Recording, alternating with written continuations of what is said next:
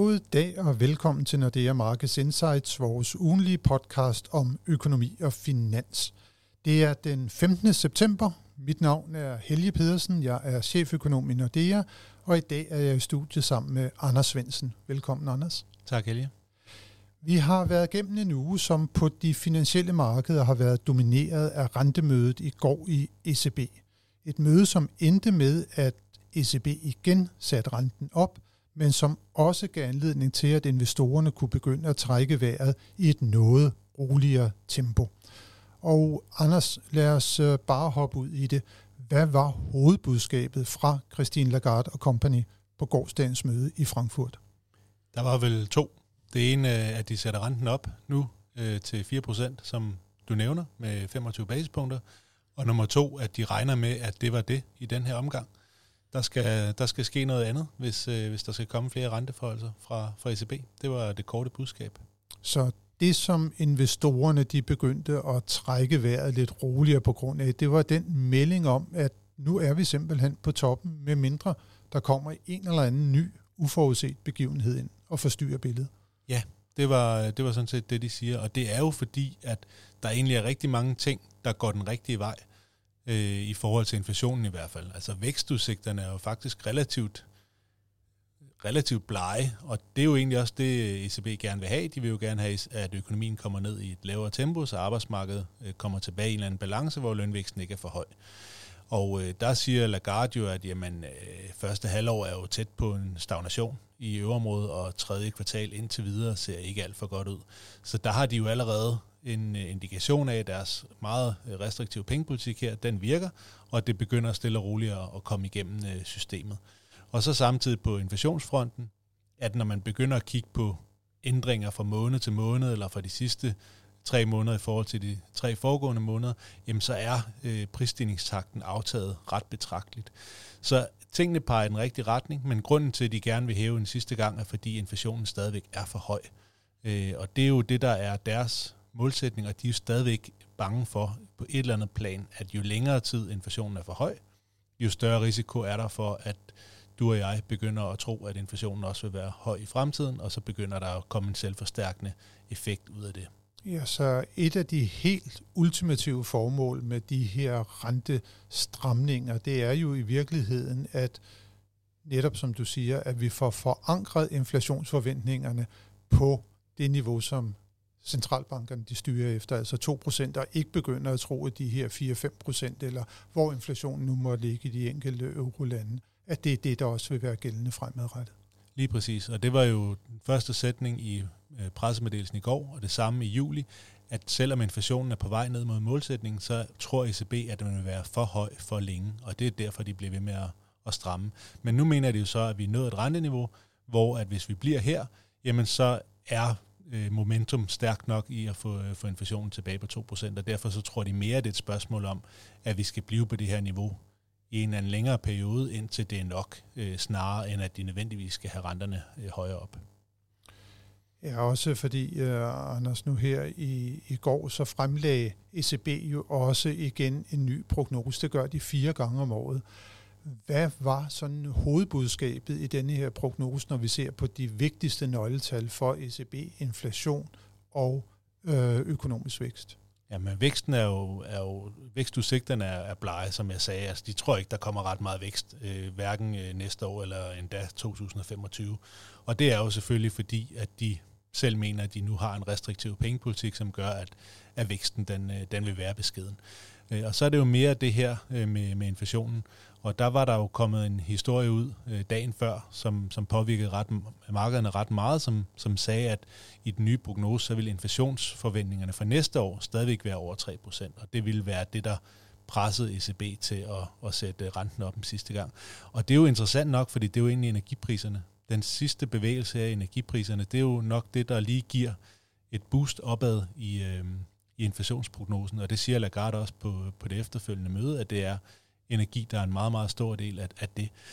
Og der kan du sige, normalvis ville man måske ikke have set en ECB hæve renten, fordi energipriserne stiger. Der vil man tænke, ja, men det har en påvirkning på kort sigt, men så længe inflationsforventningerne er fastforankret, så giver det ikke anledning til, til anden runde effekter. Til gengæld er det lidt dårligt for økonomien, fordi folk får mindre købekraft, så den langsigtede effekt er måske svagere inflation. Men nu her, hvor vi bare har haft nogle år, hvor inflationen har været alt for høj, og de er nervøse for, at inflationsforventningerne øh, ikke forbliver fastforankret, så bliver de faktisk tvunget til at reagere, selvom det, der egentlig løfter deres inflationsprognose, er øh, energipriser. Ja, og hvis vi lige vender helt øh, konkret tilbage til den øh, inflationsprognose, som du nævner, så er det jo sagen, at de har løftet prognosen både for i år og til næste år, og så har de sænket den lidt i 2025. Ja, selvom 2025 så ikke er helt ned til to. Øh, og der kan du så diskutere, hvor meget der er, der er politik i det. Altså havde de nu øh, ønsket at være færdige med at sætte renten op, så havde 2025 nok heddet 2 på inflationen. Nu hedder det så en lille bitte smule højere. Det hedder 2,2 på, på kerneinflationen eller 2,1 på headline. Og det er jo nok til at lige retfærdiggøre, at ja, der skulle altså lige et enkelt sidste en enkelt sidste renteforholdelse til, for lige at være sikker på, at næste gang de opdaterer den her prognose, så skulle der gerne stå et total derude i 2025, som indikerer, at de er ligesom på rette vej. På rette vej med hensyn til inflationen, men det går jo så via en transmission over realøkonomien, og det, som ECB øh, jo forventer, og der har man jo så nedskrevet forventningerne til den økonomiske aktivitet, som du siger, Lagarde var ude på, at der er jo nærmest var stagnation i økonomien. Man har en beskeden vækst i år på 0,7 procent. Det er øh, justeret ned med... Øh, med 0,2 procentpoint fra, fra juni-prognosen, og så til næste år, så siger man 1 procent i økonomisk fremgang i euroområdet. Det er altså en nedjustering på et halvt procentpoint i forhold til prognosen i juni måned. Det er jo denne her pengepolitiske stramning, den, den, den begynder at virke for alvor i euroområdet. Nu har vi, som du har været inde på, en, øh, en rente, øh, styringsrente på 4%. Øh, jeg har tjekket det ud, og det er faktisk det højeste, som øh, der nogensinde har været i euroområdet. Man begynder at begive sig ind i ukendt, ukendt farvand. Er der en risiko, Anders, for, at denne her stramning, den er måske for, for voldsom, øh, altså som man ikke kan øh, få denne her bløde landing, som man jo egentlig ligger op til, at man får i økonomien igennem, men at der er risiko for, at vi får et, øh, et endnu større tilbageslag. Ja, det er der jo altid, og det er jo, øh, man kan bare gå tilbage i historien. Øh, hver eneste gang har centralbankerne jo forsøgt at, at begrænse inflation. Altså når der har været inflation ved at sætte renterne op, og hver eneste gang ender man jo med at overdosere. Og det er jo fordi, at på en eller anden måde, så, så længe renterne ikke er høje nok, jamen, så bliver der ved med at være for meget gang i økonomien, og når man lige præcis kommer over det der øh, punkt, hvor renterne er, er, er for høje, eller pengepolitikken er stram nok, jamen så begynder der altså også at være nogle selvforstærkende effekter, når det går den anden vej. Og derfor den der bløde landing, altså det sker jo aldrig i reelt set. Altså det er jo det, er jo det forecast, som man kan have. Jeg synes også, det er et færre forecast at have her. Det er jo også vores eget forecast, men det er jo meget sjældent, at det er det, der ender med at blive virkeligheden, at de lige fuldstændig får balanceret alle de faktorer, der er i spil, samtidig med, at der lige ikke kommer flere chok i hele øh, den her prognoseperiode. Så ligesom tallene konvergerer mod et inflationsmål og en ligevækstvækst og alle de her ting. Så jeg tror, at der er en stor sandsynlighed for, at vi øh, enten får en, øh, en periode med, med lavere vækst end det, som de har lagt op til, og så har de jo muligheden for at sætte renten ned igen. Det er også det, der ligger i markederne. Efter i går, så ligger første renteforholdelse fuldt indpriset i juni. Rentesænkning. Ja, undskyld. Rentesænkning ja. i juni næste år, og der ligger næsten en mere øh, til, til september. Og det er jo relativt tidligt, når vi sidder og kigger på det her, ikke? og det betyder jo nok, at de også tænker, at der kan komme lidt, lidt lavere vækst. Og det kan også sagtens gå den anden vej. Nu har vi set i USA især øh, det sidste lange stykke tid, at de har jo også en relativt høj rente, og de tror egentlig også, og har troet i noget tid, at de nok er ved at have gjort nok, og økonomien bliver bare ved med at være stærkere, end det de havde regnet med. Og det gør jo bare, at, at så må man jo sætte renten op igen. Og det er jo det samme scenarie, vi godt kan få i, i Europa. Der kan da godt være, at der lige pludselig sker nogle ting, som gør, at økonomien øh, egentlig kan klare de her øh, høje renter relativt bedre, end man måske havde regnet med. Og bedre, end man måske har regnet med, så kan det jo også godt være, nu snakkede du om, at man kan overdosere øh, pengepolitikken, men man har måske underdoseret i en periode. Måske er hele den der vurdering af, hvor er den neutrale rente, den har man måske haft et for lavt niveau for, så i givet fald, så skal man jo op på relativt høje rentesatser, før det er, at pengepolitikken den faktisk begynder at virke så kontraktiv, som man egentlig ønsker det. Jamen helt sikkert, og jeg tror i det hele taget, den der diskussion af, hvor den neutrale rente er, den er, den er ikke særlig brugbar fra, fra møde til møde. Altså det, vi ved om fem år, ved vi måske, hvor den neutrale rente nok var øh, i dag, øh, og det, det kan vi ikke bruge til ret meget øh, i, i de her beslutninger. Øh, jeg tror også, noget, der er noget andet, der måske har været i spil den her gang, og det er jo, at vi har de her store centralbankbalancer. Der er så meget likviditet i systemet, at de lange renter jo faktisk er lavere i både øvreområdet og i USA end de korte. Og det er jo typisk de lange renter, der påvirker den økonomiske vækst. Det er jo derude, hvor folk skal finansiere øh, en, en ny investering, hvis det er en virksomhed, eller man skal finansiere et, et boliglån, hvis man er en almindelig privatperson. Og der er renterne jo lavere. Og hver eneste gang, at man har sat renterne op, både i ECB og Fed, så har det haft en mindre effekt længere ud af kurven, fordi der har været al den her likviditet i systemet, som har holdt risikopræmierne lave, altså man har haft flade eller inverterede rentekurver. Øh, samtidig med, at der jo selvfølgelig også har været en eller anden form for forventning om, at det her det var bare lige en kort periode med højere renter, og så skulle renterne nok ned igen. Øh, så, så det i kombination tror jeg egentlig gør, at, at man har øh, skulle gøre mere, end man måske havde troet til at starte med, og dermed ligner det lidt, at man har været bagefter kurven øh, hele vejen faktisk, fra inflationen begyndte at stige. Fra inflationen den begyndte at stige, øh, siger du, Anders, og øh, der må vi jo så også lige vende tilbage til, at inflationsprognosen, den er jo faktisk blevet opjusteret. Der er jo sket noget ude, især på, på energimarkederne, der måske kan vække lidt bekymring igen. Vi har jo kunne konstatere på det seneste, at olieprisen den er steget og nærmest med raketfart er begyndt at nærme sig 100 dollar for tynden igen. Hvad er det for en øh, bevægelse, der ligger bag øh, den der kraftige stigning i, i, i olieprisen? Ja, det ligner jo en kombination af, af udbud og efterspørgsel, ikke? Altså udbud fra, fra lavere produktion fra, fra Saudi-Arabien. Og, øh, og Rusland. Og Rusland ikke? selvfølgelig. Og nok også på efterspørgselssiden, at, at specielt den amerikanske økonomi øh, bliver ved med at være så relativt stærk, som, som den er. Og det gør bare, at, øh, at der er pres på, på olieprisen. Og så er det jo ikke engang olieprisen. Vi har jo stadigvæk i Europa øh, en, en vintersæson, der er på vej, og vi har jo øh, arne fra, fra sidste år i forhold til både el- og gaspriser. Og det kan godt være, at vi har, har fyldt et gaslager, men, men bliver det koldt, jamen, så er det jo ikke nok så der er der også en risiko for, at vi kan få, få stigninger der en gang mere. Og så er situationen igen bare en anden, fordi så vil der være et pres på den samlede inflation. Og der kan man sige, Anders, det er jo risikoen. Det kan jo godt være, at det bliver en, en kold vinter igen, men som du også siger, gaslagerne er fyldt op. Der er til tre måneders normal forbrug, hvis det bliver en normal vinter. Vi har haft milde vintre øh, de sidste sæsoner. Det er ikke noget, som jeg personligt er så bekymret for, men det andet, du siger omkring udbuds efterspørgsels relationen på oliemarkedet, den er jo øh, reel. Altså, det er jo et betydeligt kort, som øh, især Saudi-Arabien og Rusland har stået bag. 1,3 million tønder mindre daglig produktion end det, som man, øh, man ellers har haft. Og så er der den der stigende efterspørgsel. Og udover USA, Anders, så kommer der jo også bedre nøgletal fra, fra Kina nu. Øh, Kina er normalt en stor forbruger af energi. Og det, som vi også har kunne konstatere, det er, at kineserne er faktisk begyndt at rejse igen.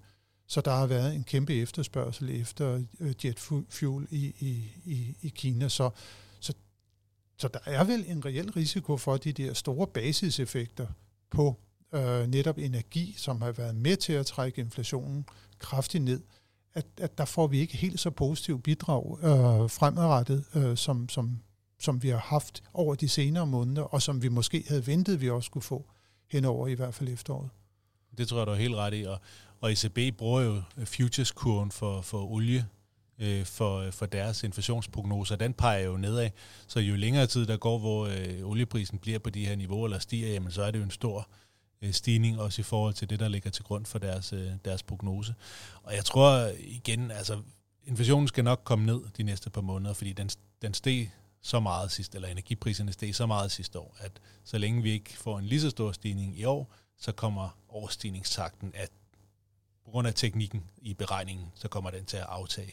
Men det er klart, jo, jo mere energipriserne stiger, jamen jo mindre aftager inflationen så. Og jeg tror egentlig, at det helt reelt er nok det, der har været øh, det her tipping point for, for ECB. Fordi igen, det lød jo, øh, og, og vi må jo også erkende, at vi havde jo ikke troet, at der skulle komme en renteforhold i går. Vi havde jo øh, troet, at renterne ville blive holdt uændret. Og igen, det lød jo tilbage i juli på Lagarde, som om, at de var ved at være færdige, hvis ikke der kom nogen overraskelser. Men en af de overraskelser, der måske har været i den mellemliggende periode, det er netop, at olieprisen er begyndt at stige igen. Og det giver dem bare lige endnu en grund til at være bekymret for de her inflationsforventninger, vi nu har nævnt nogle gange. Og så må vi jo også konstatere, Anders, at i takt med, at ECB satte renten op med kvart procentpoint i går, jamen så gjorde Nationalbanken herhjemme jo præcis det samme, og fik sat renten op også med et kvart procentpoint, så den nu står på 3,6 procent. Er der nogle ting i sådan den, den specifikke danske situation, der gør, at det her rentespænd, det, det skal vi bare regne med, at det kommer til at, at holde i al evighed? Altså lige på, på den korte bane her har der jo ikke været noget valutaintervention, og derfor er det jo ikke nogen overraskelse, at, øh, at spændet blev, blev holdt uændret. Men vi har jo alligevel set nogle uger her med en, med en sværere øh, dansk krone, end vi har haft i, i længere tid. Vi har været oppe i nærheden af, af pariteten. Øh, og det er klart, at hvis, hvis det begynder at gå den vej, jamen så er der jo en, en risiko for, at vi på et eller andet tidspunkt skal have et lidt mindre spænd til, øh, til øvrigt. Mens at den historie, som vi selv har snakket om i, i længere tid, er jo, at der strukturelt set er et kæmpe inflow stadigvæk. Vi har nogle virksomheder, som er utrolig dygtige ude i verden. Der kommer en masse penge tilbage til Danmark af, af den grund. Og så har vi jo også nogle pensionskasser, som har en større og større udlandsformue, hvor alene afkastet øh, giver en, en massiv øh, bevægelse ind i, øh, i, i danske kroner. Altså hvis man tjener penge i udlandet, så skal de vækstes til, til danske kroner, når de skal hjem og betales ud i, øh, i pensioner. Og det gør jo, at, at vi jo i hvert fald tror, at der er større sandsynlighed for, at vi skal have en, en, en stærkere dansk krone, altså inden for det her udsvingsbånd, ikke? Og, og komme ned på nogle niveauer, hvor, en, hvor øh, Nationalbanken måske igen skal til at intervenere, og så er der jo også en risiko for, at vi så skal have et endnu større spænd øh, på et tidspunkt til, til øvrigt negativ spænd. Så det kan gå, gå begge veje? Det kan gå begge veje, ja. Der er dørene, de er åbne for alt i fremtiden.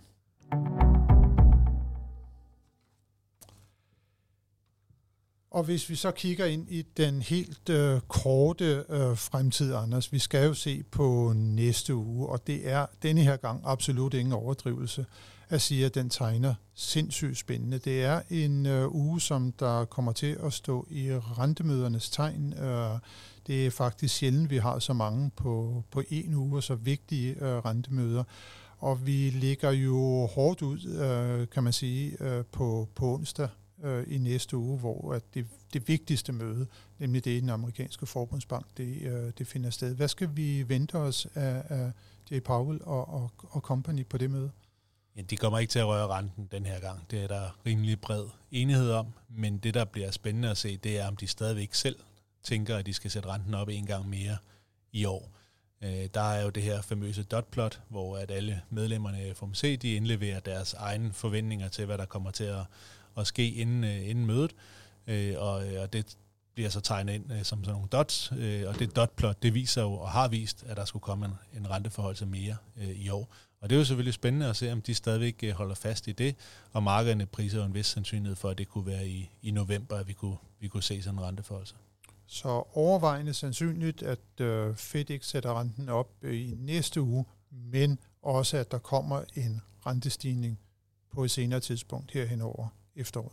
Ja, det har været vores prognose i et stykke tid, og, og man kan sige, nu havde vi jo inflationstal øh, fra USA i, i den her uge, og der så vi jo faktisk det samme, som vi også snakker om i, øh, i øvrigt, altså effekten af den her stigende oliepris. Altså det var 10 procent i uh, øh, CPI Energy øh, komponenten i USA. Det er altså ret betydeligt. Og de har jo samme, øh, samme udfordring som, som ECB. De skal sikre sig, at de her inflationsforventninger de bliver holdt i ave. Og det er jo på baggrund af en endnu stærkere økonomi øh, i, i USA. Så, øh, så det kan jo være interessant at høre, om, om det ligesom ændrer lidt på deres øh, forventninger til, hvor mange renteforholdelser der egentlig kan komme nu. Så det bliver det talte ord, som der skal analyseres øh, godt og grundigt. Det tror jeg, plus de her dotplots. Plus dotplots. Som nævnt, så er der adskillige andre øh, spændende øh, rentemøder. Vi har en møde øh, både i, i Riksbanken og i Norges Bank på på næste torsdag, og der er det jo vores forventning, at begge bankerne sætter renten op med et kvart procentpoint, og at det så er toppen i Norge, men at svenskerne de fortsat skal øh, sætte renten op for at få bukt med deres øh, alt for høje inflation, og måske frem for alt også øh, få, få styrket deres øh, meget øh, svage øh, valuta øh, gennem pengepolitikken. Og så er der jo også, hvis vi kigger yderligere ud i verden, så er der både rentemøder i Schweiz og i Japan og i, i England i næste uge. Og øh, i hvert fald vores forventninger, Anders, det er jo, at øh, Bank of England de også sætter renten yderligere op. Øh, den står allerede på 5,25 procent, men inflationen derovre er også alt for høj. Ja, og det er jo bare, øh, de er virkelig ramt på, på alle parametre, og det er jo øh, pest eller kolera for, for centralbanken med en inflation, der er for høj og en vækst, der er for lav. Men det ser ud som om, de i hvert fald øh, på den korte bane vælger at, at sætte renten op, hellere for meget end, end for lidt. Jeg tror egentlig også, det bliver super interessant, hvad der sker i, i Japan. De lavede jo den her lidt mere fleksible rentekurvekontrol sidst, hvor de egentlig tillader, at de lange japanske renter, som de ellers har, har haft sådan et, øh, et loft over, at de har kunne, øh, kunne svinge lidt mere og kunne stige lidt mere. Øh, og vi har måske ikke set helt så store stigninger, som vi havde regnet med efter sidste møde, hvor, hvor de netop udvidede det her, den her korridor, men alligevel har der været noget, og jeg tror også, det har været med til at, at få de lange amerikanske renter til at stige. Altså det her med, at man tænker, okay, Bank of Japan skal måske ikke købe helt så meget op for at holde de her renter på, på, på et eller andet niveau, og dermed bliver der en mindre efterspørgsel efter amerikanske øh, statsobligationer fra deres øh, valutareserve. Så, øh, så det er spændende, hvad der kommer til at ske øh, der, og hvad de synes om den udvikling, der har været siden sidste møde. Ja, men vi ved jo også, at de japanske investorer er knap så interesserede i blandt andet danske realkreditobligationer, som de har været det tidligere.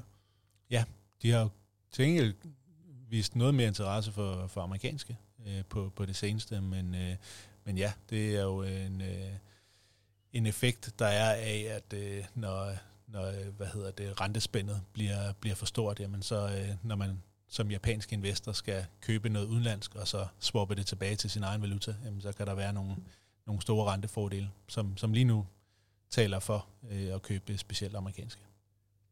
Så det bliver super spændende at se, om øh, japanerne, som jo har været sådan nogle øh, efternøler, kan man sige, i, i rentepolitikken, om de måske øh, sætter renten op og forlader det her negative territorium, som man har været i i rigtig, rigtig, rigtig lang tid. Ja, det, det var der ikke ret mange, der havde regnet med for, for fem år siden. Der var det jo snarere den anden, øh, den anden vej rundt. Ikke? Vi blev bedt om at lave analyser, der, der sådan kiggede på, hvad hvis, øh, hvis inflationen var lige så død i Europa, som den havde været i Japan, og hvad hvis øh, ECB skulle til at lave de her øh, lidt, lidt underlige ting, som øh, Bank of Japan har været tvunget ud i, fordi de bare ikke har kunne få inflation i de sidste 20 år. Ja, og så yderligere, Anders, skal vi også bare lige nævne, at øh, der er altså også møde i næste uge i den svejsiske nationalbank, hvor at øh, forventningen så til gengæld nok er, at øh, de ikke behøver at gøre noget. Øh, man har sådan en, øh, en relativt øh, stærk øh, svejserfrank, man har en lav inflation, så det er nok overvejende sandsynligt, at man der holder renten uændret. Og så endelig, Anders, næste uge slutter af også med en, en ren gyser PMI-tal for euroområdet. Ja, det tror jeg altså er det vigtigste nøgletal. Der er flere og flere, der begynder at sige, at det ikke, øh, hvad hedder det, at sammenhængen med BNP ikke er så stærk, som den har været. Men altså, så skal man prøve at lave en, en figur med det. Og hvis ikke den sammenhæng er stærk nok til, at man vil bruge det nøgletal, så kan man stort set ikke bruge nogen nøgletal. For den sammenhæng, den er stort set perfekt. Øh, den er måske ikke helt så perfekt, som den har været, men den er meget, meget tæt. Og det betyder, at der næsten er en en-til-en sammenhæng fra de her PMI's og til BNP-vækst. Og vi er altså under 50 og under 50, det er negativ BNP-vækst. På, også på den sammensatte. På den sammensatte. Ja. Og det svarer altså til negativ vækst i BNP. Øh, så PMI'erne er i recessionsterritorier, territorier, og hvis vi kommer til at fortsætte med at se det, så tror jeg, det vil forstærke det, som Lagarde også sagde på mødet i går, nemlig at nøgletallene fortsætter med at være svage i tredje kvartal. Men det er især servicesektoren, vi skal, vi skal holde øje med. Det, fremstillingssektoren har været svag længe, men det er servicesektoren, der begynder at nærme sig, øh, ikke samme svaghedsniveau, men det begynder at, at gå i den retning. Og personligt, der vil jeg i hvert fald nok holde rigtig meget i øjet med også det, der er det nye eksportordreindeks, fordi at det har jo ligget rigtig svagt. Viser det sig nu, at den kinesiske økonomi måske er lidt på vej op i tempo igen, så kan det være måske der, at vi ser, at der også kan komme lidt vending for den europæiske fremstillingssektor, som jo utvivlsomt er i recession på nuværende tidspunkt. Helt sikkert, og især i Tyskland. Altså, når man ser nogle af, nogle af tallene for, øhm, det er jo ikke kun bilindustri øh, og den kemiske industri, det er jo, det er jo efterhånden hele vejen rundt. De er virkelig øh, i knæ, så det vil jo være godt for dem, hvis øh, der vil være lidt større efterspørgsel for, for deres varer. Og dermed i virkeligheden også godt for de hjemlige industrivirksomheder, som jo også vonder sig for tiden, øh, fordi der er så stor afhængighed af, hvordan det går i den store tyske økonomi. Så altså en super spændende uge, som vi har foran os med kæmpe fokus på onsdag på, på Fed og hvad der ellers sker på centralbankfronten, og så altså de her spændende tal mod slutningen af næste uge omkring udviklingen i især europæisk økonomi. Tak for nu, Anders, og tak til alle jer, som har lyttet med. Det håber vi, at I også vil gøre, når vi er tilbage med nyt fra de finansielle markeder igen i næste uge. thank you